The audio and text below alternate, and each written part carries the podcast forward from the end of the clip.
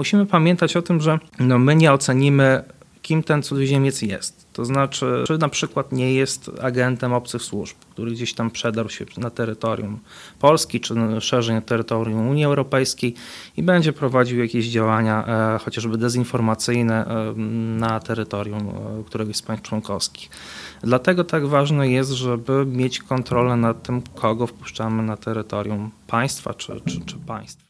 Kryzys migracyjny na granicy polsko-białoruskiej był w 2021 roku na ustach wszystkich Polaków. W dzisiejszym odcinku porozmawiamy o tym niezwykle polaryzującym społeczeństwo temacie z perspektywy prawa. Moim gościem będzie dziś magister Wojciech Zoń z Katedry Prawa Międzynarodowego Publicznego Wydziału Prawa Uniwersytetu w Białymstoku, a także dyrektor do spraw organizacji Punktu Informacji Europejskiej Europe Direct Podlaskie, zajmujący się w pracy naukowej szeroko pojętą współpracą transgraniczną i zasadą dobrego sąsiedztwa. Nie zapomnijcie ocenić materiału łapką w górę, jeżeli odcinek Wam się spodoba, lub w dół, jeżeli nie. Serdecznie zapraszam Was do wsparcia kanału w serwisie Patronite, dzięki któremu będę mógł rozwijać kanał.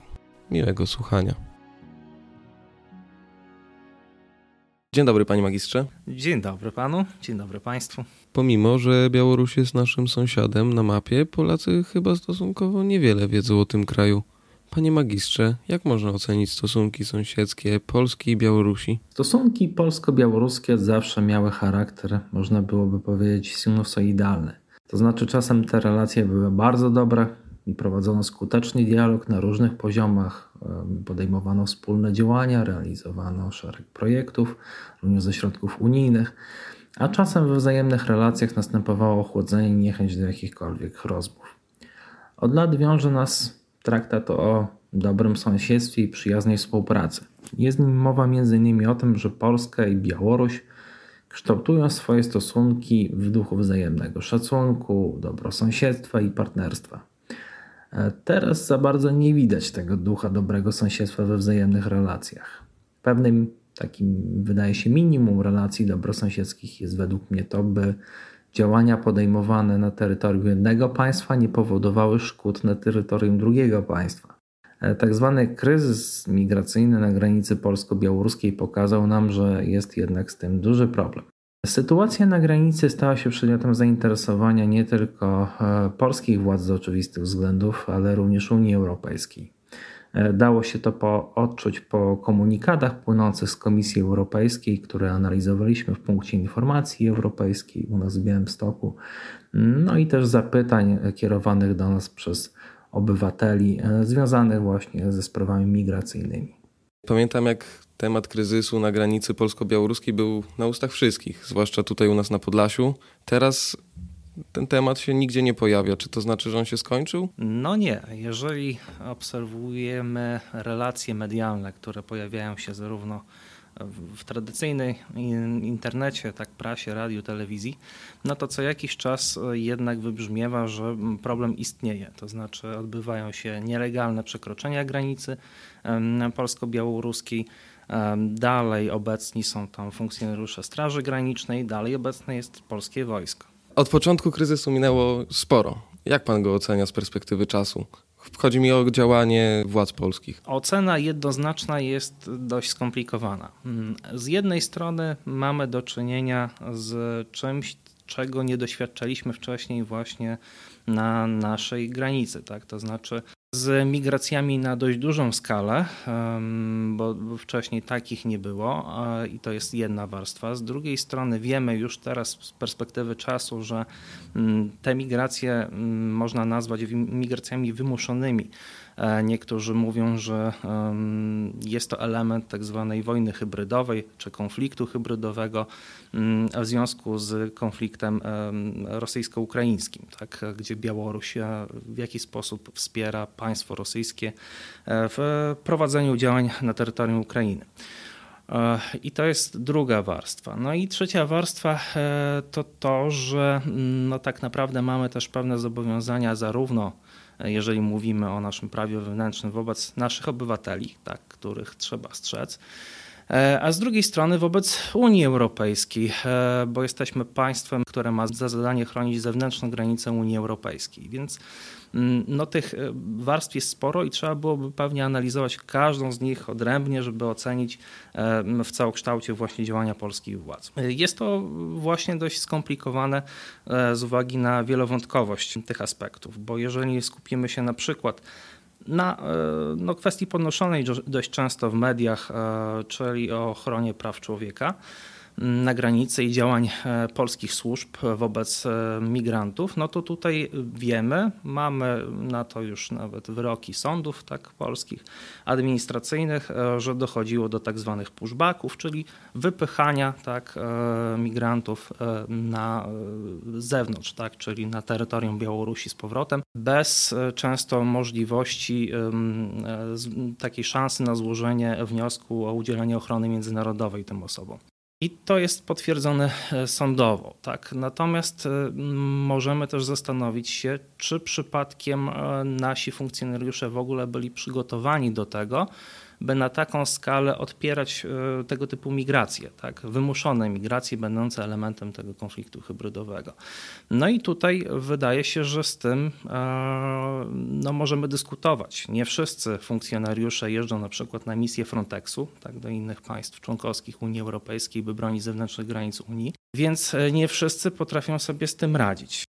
I tutaj wydaje się, że mm, no, może brakuje też tego elementu, w jaki sposób chronić się przed współczesnym e, tym wizerunkiem migracji. Co robić i jak przygotować do tego nasze służby. A jak prawo międzynarodowe reguluje status uchodźców? Tutaj e, jest dość sporo regulacji mówiących na ten temat. E, przede wszystkim w kontekście tego kryzysu migracyjnego należałoby stwierdzić tego, co się działo na granicy polsko-białoruskiej, że tutaj naruszono chociażby zasadę wynikającą z protokołu czwartego do Europejskiej Konwencji Praw Człowieka, Konkretnie artykuł czwarty mówiący o tym, że mm, zakazane są masowe wydalenia cudzoziemców. Tak? To znaczy trzeba dać im szansę na to, żeby złożyli właśnie wniosek o udzielenie ochrony międzynarodowej. E, przypomnijmy, że mm, uchodźca od migranta różni się tym, że mm, obawia się o swoje życie, ucieka przed prześladowaniem tak? ze względu na różne czynniki. E, no teraz e, właśnie, e, no cechą takiej ucieczki jest to, że nie zawsze się przekracza granicę w miejscu tego wyznaczonym. Tak? Więc należy, bez względu na to, gdzie przekracza się tą granicę, dać szansę na to, żeby taki wniosek udzielenia ochrony złożyć. No i tutaj w tym zakresie, z tego co wiemy, właśnie no Polska nie dotrzymała tych zobowiązań. Czy polskie służby miały prawo stać i blokować przejście tym osobom? To powinno wyglądać tak, że należałoby mm, każdą z tych osób tak naprawdę odrębnie tak, przesłuchać w jakiejś formie, pouczyć o prawie do tego, że mogą złożyć wniosek o udzielenie takiej ochrony międzynarodowej. E, bo nie wszyscy znają tak swoje prawa. Tak? Trzeba byłoby się upewnić, że są to osoby, które rzeczywiście takiej ochrony potrzebują bądź nie potrzebują. Tak? I dopiero na tej podstawie można byłoby mm, dokonać decyzji, tak, na przykład o tym, że przyjmujemy, tak, udzielamy tej ochrony międzynarodowej, e, czy wpuszczamy tak, taką osobę na terytorium Rzeczypospolitej Polskiej, albo też, e, że cofamy ją do granicy e, państwa, z którym, e, w którym przekroczyła tak ta osoba tą granicę. Pana zdaniem byłoby to możliwe, żeby zorganizować takie przesłuchania? Postawić namioty urzędników, którzy by to sprawdzali? Wydaje się, że jest to prawdopodobne. Tak. Tutaj tak naprawdę oparliśmy się w tym konflikcie, czy w tym kryzysie, tak naprawdę na swoich służbach. Tak. Uruchomiliśmy Straż Graniczną, uruchomiliśmy wojsko, policja również tam doraźnie działała. E, natomiast nie skorzystaliśmy za bardzo z możliwości, jakie daje Unia Europejska, czyli właśnie na przykład wpuszczania na nasze terytorium e, funkcjonariuszy z innych państw członkowskich w ramach właśnie Frontexu. E, I wydaje się, że byłoby to możliwe, przynajmniej w części, żeby w ten sposób to zorganizować. Czy ze strony imigrantów też pojawiały się jakieś złe działania, czy oni działali zgodnie z prawem? W wielu przypadkach, e, i to też jest dobrze udokumentowane, mieliśmy do czynienia z osobami, które chciały po prostu siłowo przekroczyć granice Rzeczypospolitej Polskiej, e, nie uciekając przed żadnymi prześladowaniami, e, tylko po prostu chcąc dostać się na teren Unii Europejskiej i często też dalej, na przykład do Niemiec czy innych państw członkowskich o wyższym stopniu rozwoju gospodarczego. E, I widzieliśmy e, dobrze sceny, w których e, na przykład obrzucali kamieniami funkcjonariusze Straży Granicznej, tak, niszczyli elementy infrastruktury granicznej, a to są wykroczenia, to są przestępstwa. Wiele osób próbowało pomóc tym ludziom, na przykład przewożąc ich w samochodzie. Co grozi takiej osobie, która się podejmuje przewozu? Tak naprawdę e, tutaj mamy do czynienia z naruszeniem naszego wewnętrznego prawa karnego. Tak? I tutaj no to też zależy od kwalifikacji e, takich czynów. Tutaj trzeba byłoby pewnie porozmawiać z karnistą, który by dobrze rozróżnił różne przypadki. E, natomiast nie wszystko da się zakwalifikować na przykład jak udzielenie pomocy. Tak? Mieliśmy przypadki, gdzie po prostu ratowano ludzkie życie i tam no to, to są kontratypy, tak, które mogą ograniczyć e, tak, odpowiedzialność za, za takie czyny. Natomiast często mieliśmy do czynienia z sytuacjami, które można określić jako po prostu pomoc e, chociażby w przemycie tak, ludzi. Tak? Poza tym też pojawiały się głosy i dość często mogliśmy trafić na różnego rodzaju relacje, z których wynikało, że często e, osoby, które gdzieś tam tej pomocy udzielały, e, tak naprawdę nie działały w tym celu, żeby pomóc tym migrantom. To znaczy okazywało się, że e, niektóre osoby były wywożone na przykład do domów publicznych tak, w Niemczech czy, czy w innych państwach. Więc tutaj pojawił się problem handlu ludźmi. E, więc e, dlatego też dobrze, jeżeli nad e, pomocą migrantom jakiś nadzór mają służby jednak, niż gdyby pozostawiać to pole organizacjom, które no, niosą pomoc, a mogą to robić w sposób taki niedoskonały. Pomoc próbował też nieść w pewnym momencie jeden z posłów. Próbował, już chyba każdy widział ten filmik z reklamówką Ikei, coś im zanieść. Tutaj pojawia się pytanie o to, czy wojsko mogło go zatrzymać, jeżeli jest posłem, oraz co by się stało, gdyby przekroczył granicę i znalazł się po stronie białoruskiej. Tak naprawdę rzeczywiście mamy do czynienia z nietykalnością e, posła. Tak, e, powinno się mu umożliwić wykonywanie jego mandatu. E, natomiast to też ta nietykalność nie jest bezbankowa na 100%. To można byłoby porównać na przykład do ochrony międzynarodowej dyplomatów jeżeli widzimy, że dyplomata, ambasador ma pas szachida, tak, i chce się wysadzić, no to raczej nie umożliwimy mu tego, tak. Więc są sytuacje, w których e, rzeczywiście tą nietykalność można naruszyć. E, czy w tym przypadku? No tutaj bym dyskutował, bo rzeczywiście e, jednym z zadań posła jest przestrzeganie konstytucji, a mowa jest tam też w konstytucji o ochronie zdrowia i życia ludzi, tak. Jeżeli niósł pomoc w taki sposób, żeby właśnie e, coś tam tym migrantom e, dostarczyć, no to tutaj to już byłoby dyskusyjne, czy tak wprost można byłoby tą jego nietykalność e, naruszyć co gdyby przekroczył tą granicę i znalazł się po stronie białoruskiej. Tam chyba mandat już nie obowiązuje. Teoretycznie no właśnie pewnie byłby potraktowany tak, jak są traktowani migranci klasycznie u nas. Tak? To znaczy na pewno służby białoruskie zapytałyby go, co on e, tutaj robi i no pewnie w pewnym momencie w praktyce niewiele by znaczyła ta legitymacja poselska. Tak? Więc y, pewnie oparłoby się to później o Ministerstwo Spraw Zagranicznych, żeby tego naszego posła w jakiś sposób oswobodzić, bo pewnie no, służby białoruskie zabrałyby taką osobę po prostu na przesłuchanie, tak, celem wyjaśnienia, tak, dlaczego przekroczyła granicę. Więc no, mogłoby się to różnie skończyć. Mimo wszystko tak nie powinien tej granicy przekraczać. Co powinniśmy zrobić, kiedy na naszym terytorium znalazł się cudzoziemiec i my go znaleźliśmy. Powinniśmy o tym poinformować władze? Przede wszystkim należałoby się upewnić, że e, to jest osoba, która nie potrzebuje pomocy, tak, tak wprost. E, bo to tak jak z ofiarą jakiegoś wypadku czy zdarzenia drogowego. Jeżeli widzimy, że to jest osoba w złym stanie, która ma problemy, nie wiem, z utrzymaniem równowagi, bełkocze, no widać, że coś się dzieje złego, no to po prostu zawiadamiamy służby ratunkowe, tak, 112 i te służby udzielą e, stosownej pomocy. Natomiast jeżeli mamy podejrzenie, że mamy do czynienia e, z cudzoziemcem, migrantem, tak, który gdzieś tam nielegalnie e, granicę przekroczył i widzimy, że mm, no tutaj nie zachodzi obawa o zagrożenie jego zdrowia życia, no to tutaj tak naprawdę e, adresatem e, takiego telefonu, bo powinien być wykonany jakiś telefon, e, będzie albo właśnie numer 112 i służby tak dostępne pod tym telefonem i przydzielone przez dyspozytora, albo po prostu Straży Graniczna. Tak? I, I oni się zajmą wtedy wyjaśnianiem statusu tej osoby. Musimy pamiętać o tym, że no my nie ocenimy, kim ten cudzoziemiec jest to znaczy, czy na przykład nie jest agentem tych służb, który gdzieś tam przedał się na terytorium Polski, czy szerzej na terytorium Unii Europejskiej i będzie prowadził jakieś działania, e, chociażby dezinformacyjne e, na terytorium e, któregoś z państw członkowskich.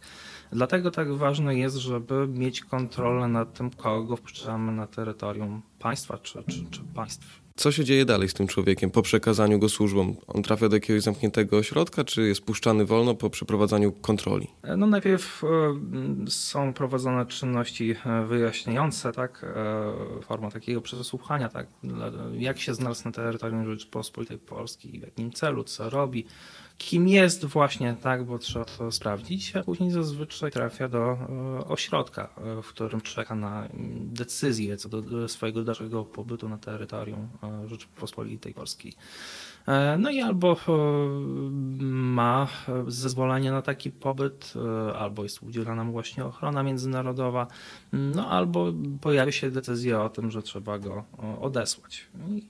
Wtedy w zależności od tej decyzji są podejmowane dalsze kroki. Taka osoba wraca na granicę, czy odsyła się ją do jej kraju ojczystego? To zależy, tak. Czasami, jeżeli mamy do czynienia z, no powiedzmy, jakimś państwem cywilizowanym, w ramach którego on tą granicę przekroczył, no to wydaje się, że można byłoby odesłać do tego państwa, gdzie tą granicę po prostu nielegalnie przekroczył i to państwo powinno już w ramach swoich procedur działać dalej, tak.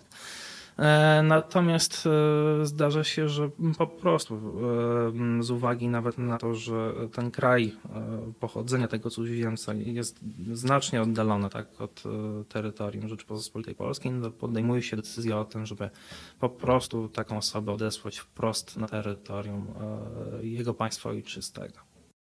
U nas na granicy polsko-białoruskiej jest Park Białowieski. On się rozpo, ro, rozciąga pomiędzy terytorium Polski a Białorusi. Na pewno ten kryzys wpłynął na ten rezerwat, tylko w jaki sposób? Przede wszystkim tutaj um, mówimy, jeżeli mówimy o, o, obszarze, który rozciąga się na terytorium i e, Polski i e, Białorusi, to mamy na myśli no, generalnie rzecz ujmując Puszczę Białowieską.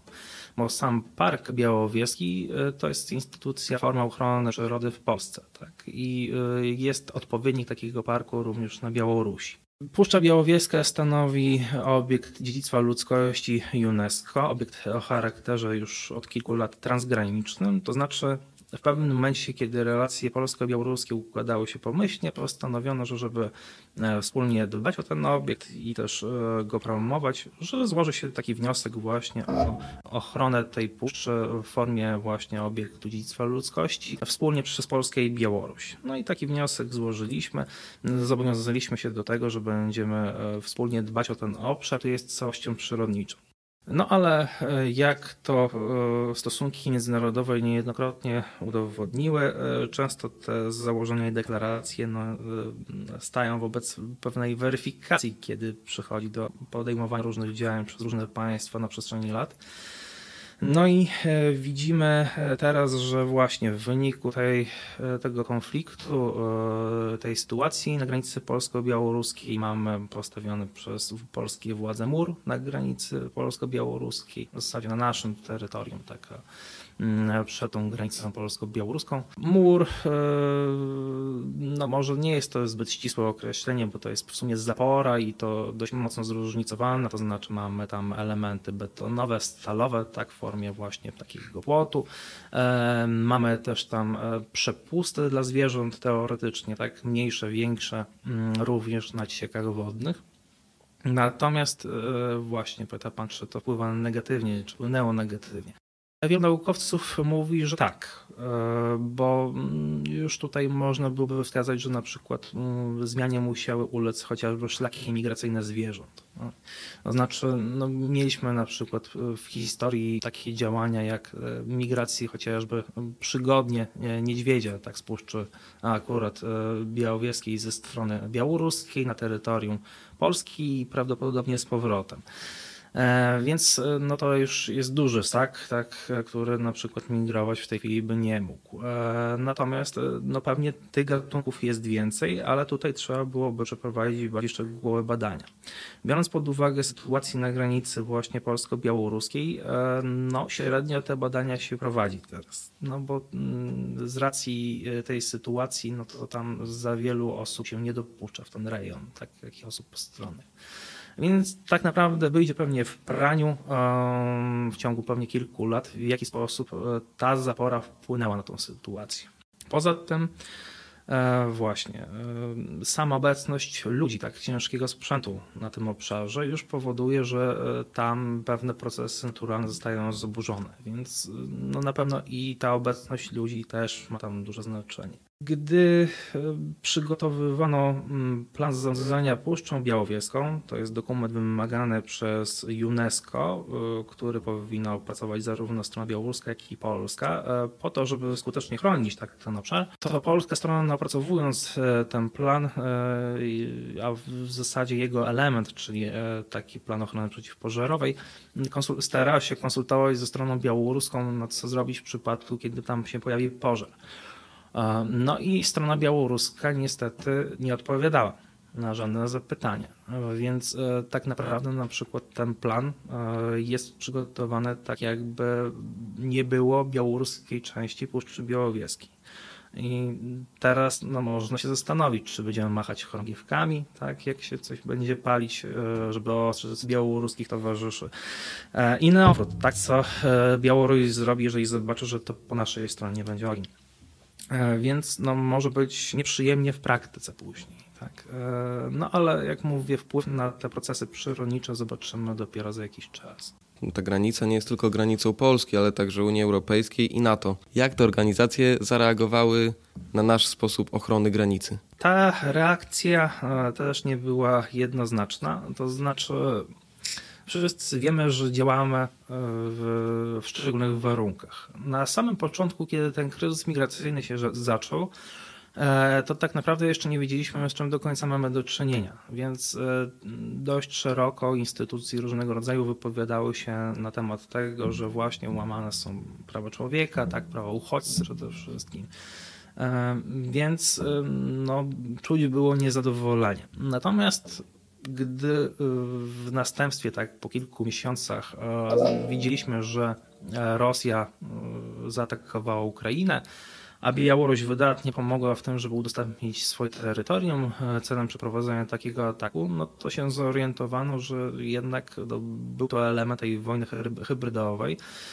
Więc tak naprawdę mm, no tutaj e, w tej chwili te głosy tak ucichły na temat łamania tak praw człowieka i e, praw uchodźcy. I no, jest to do pewnego stopnia, nie powiem akceptowalne, tak, ale no, mamy, widać taką milczącą zgodę na podejmowanie niektórych działań. Widać, że e, nie wiadomo, w którą stronę ten konflikt e, rosyjsko-ukraiński jeszcze się potoczy, więc tutaj te oceny instytucji różnych są wyważone. Widać, że no właśnie, bo wspomniał Pan akurat o NATO, no Sojusz Północnoatlantycki mm, no, powinien za wszelką cenę bronić bezpieczeństwa swoich członków. Tak? E, więc e, tutaj na razie te działania mieszczą się w tym pojęciu obrony, e, na razie indywidualnej, organizowanej po prostu przez państwo członkowskie tego paktu, tak, państwo strony tego paktu. E, więc na razie tutaj e, no, NATO też nie ma nawet pola do tego, żeby ingerować, no bo nie można powiedzieć, że to jest konflikt zbrojny, żeby tutaj e, czegoś oczekiwać. Tak? Na razie bronimy przede wszystkim bezpieczeństwa naszego, naszych polskich granic, bezpieczeństwa granic Unii Europejskiej, a przy okazji właśnie bezpieczeństwa członków Sojuszu Północnoatlantyckiego. Mówi się, że to jest wojna hybrydowa, sam pan tak powiedział. Tutaj pojawia się pytanie, czy możemy jak w jakiś sposób mm, po, posądzić Białoruś o to, czy ona może odpowiadać w prawie międzynarodowym za taki atak? W zakresie odpowiedzialności międzynarodowej e, na pewno e, dość dużą teraz uwagę przywiązuje się właśnie do konfliktów takich nieklasycznych, tak? czyli tych konfliktów hybrydowych e, czy działań asymetrycznych, tak? bo tutaj różnie się to też określa. I widzimy, że o ile łatwo jest definiować e, i oceniać agresję zbrojną, o tyle trudno jest oceniać i dochodzić jakichś roszczeń wobec e, innych sytuacji, tak, właśnie takich hybrydowych. E, bo tutaj przy tym wątku musielibyśmy wykazać rzeczywiście celowe działanie Białorusi, tak, e, co pewnie dałoby się zrobić po zgromadzeniu materiału dowodowego. E, bo też e, to może nie wybrzmiało wcześniej, przeprowadzając różnego rodzaju przesłuchania czy rozmowy z osobami, które przekraczają granice. Polskie służby też zdobywają wiedzę na temat tego właśnie, w jaki sposób działają służby białoruskie w tym zakresie, jaką rolę ponoszą w tym konflikcie. E, no i właśnie mając te informacje, mając zeznania świadków, możemy wtedy dyskutować o tym, na ile tą odpowiedzialność można przypisać. I to jest jedna warstwa. Natomiast druga warstwa no to możliwość właśnie osądzenia tych czynów. E, I tutaj e, no, można byłoby pokusić się na przykład o osądzenie e, tych czynów z tytułu naruszenia chociażby umów dwustronnych, jakie wiążą Polskę i Białoruś, tak, umowy o dobrym sąsiedztwie na przykład. E, trzeba byłoby wykazać, że tutaj tego dobrego sąsiedztwa brak, e, wręcz mamy do czynienia z działaniami agresywnymi. No i być może udałoby się wtedy e, postawić Białoruś przed Międzynarodowy Trybunał Sprawiedliwości, który służy temu, żeby sądzić państwa przede wszystkim. Tak. Natomiast jeżeli zależałoby nam na odpowiedzialności karnej poszczególnych osób, no to tutaj trzeba byłoby już się wykazać nieco większą inwencją w przypadku Białorusi. E, I w tej chwili e, wydaje mi się, że brakowałoby dowodów na to, żeby Białoruś postawić przed jakimś trybunałem międzynarodowym karnym, tak? To znaczy poszczególne osoby działające w imieniu Białorusi, żeby postawić przed międzynarodowym trybunałem karnym, bo trzeba byłoby udowodnić zbrodnie chociażby przeciwko ludzkości. Tak? A tutaj e, takich przejawów w tej chwili brakuje. A w jaki sposób postawić te osoby przed Trybunał? Bo Trybunał zapewne będzie w kraju niezwiązanym, to znaczy ani nie w Polsce, ani nie na Białorusi. To w jaki sposób doprowadzić osoby, które są na terytorium Białorusi przed ten Trybunał? Karny? Mhm. E, tak naprawdę nie trzeba doprowadzać takich osób wtedy przed Trybunał Karny, Hadzek, tak? jeżeli mówimy o Międzynarodowym Trybunale Karnym, mm, bo tak naprawdę, jako że jesteśmy stroną statutu rzymskiego, który no, określa, że właśnie podlegamy jurysdykcji MTK, e, Możemy na tej podstawie tak naprawdę sami osądzić takie osoby, jeżeli pojawią się na naszym terytorium. Tak, więc yy, nie musimy nikogo odsyłać do Hagi, chociaż pewnie dobrze byłoby w niektórych przypadkach. Mm, natomiast no, taka osoba musiałaby po prostu zostać złapana. E, a później dopiero w wyniku procesu e, no, albo zostałaby skazana, albo nie. Na koniec pytanie: jakie są perspektywy na ten kryzys? Trudno powiedzieć, bo tutaj jest wiele czynników e, bardzo od siebie zależnych. To znaczy, wiele zależy od tego, jak potoczy się sam konflikt Rosja-Ukraina. I no tutaj widzimy, że Na razie Rosja poradziła sobie z wieloma sankcjami. To znaczy one bolały gdzieś na początku tego konfliktu, tak jak on się też rozwijał przez pewien czas. Natomiast ostatnio spotykane są coraz częściej głosy, że już sankcje nie robią takiego wrażenia. To znaczy liczono na to w pewnym momencie, tak mi się wydaje, że obywatele Rosji e, w wyniku niezadowolenia dokonają jakiegoś przewrotu, zmienią władzę. No jak się okazuje, e, obserwując to, co się dzieje gdzieś w Rosji, widzimy, że obywatele Rosji nie są wcale skłonni do tego, żeby jakiś przewrotów dokonywać w większości. Podzielają linię, e, którą przedstawia Rosja o słuszności działań podejmowanych w Ukrainie. E, poza tym te osoby są przez Rosję, e, jeżeli mówimy o tych osobach, które gdzieś są wysyłane na przykład na front, no to te osoby otrzymują zapłatę za to, że właśnie biorą udział w tym konflikcie. No a jeżeli ta osoba zginie, to jeszcze rodzina otrzymuje też jakieś odszkodowanie od państwa. W sumie e, to również jest korzystne z perspektywy takiej rosyjskiej, rosyjskich obywateli ekonomicznie. E, no więc e, na obywatelach to wrażenia większego nie zrobiło, więc przewrotu nie będzie. Zatem Rosja w polityce tej wewnętrznej czuje się dość pewnie. Zewnętrznie wydaje się, że też sobie powoli radzi. To znaczy no, odnowiła znajomości tam, gdzie trzeba, z niektórymi państwami, które też są gdzieś na marginesie tych stosunków międzynarodowych. E, jak widać, skutecznie potrafi kupić broń e, na rynku międzynarodowym. E, jeżeli wspomnimy na przykład te irańskie drony, tak, one są obecne przy konflikcie. Mm, więc Rosja sobie radzi. Pytanie teraz, jak długo poradzi sobie Ukraina? Mm, wydaje się, że w sytuacji, kiedy no tak naprawdę przemysł obronny nie jest tam rozwinięty, własny przemysł obronny, no to jest to kraj skazany na to, żeby korzystać właśnie z wsparcia innych państw. E, wiemy, że są teraz problemy zarówno w Stanach Zjednoczonych, jeżeli chodzi o wyrażanie zgody na udzielenie dodatkowej pomocy finansowej Ukrainie, jak też e, w Unii Europejskiej wciąż mamy no, niezgodność pewnych, pewnych poglądów w tym zakresie, bo tutaj Węgry akurat silnie bronią e, tej polityki związanej z no, powstrzymaniem się od głębszej jakiejś ingerencji w to, co się dzieje mm, w Ukrainie.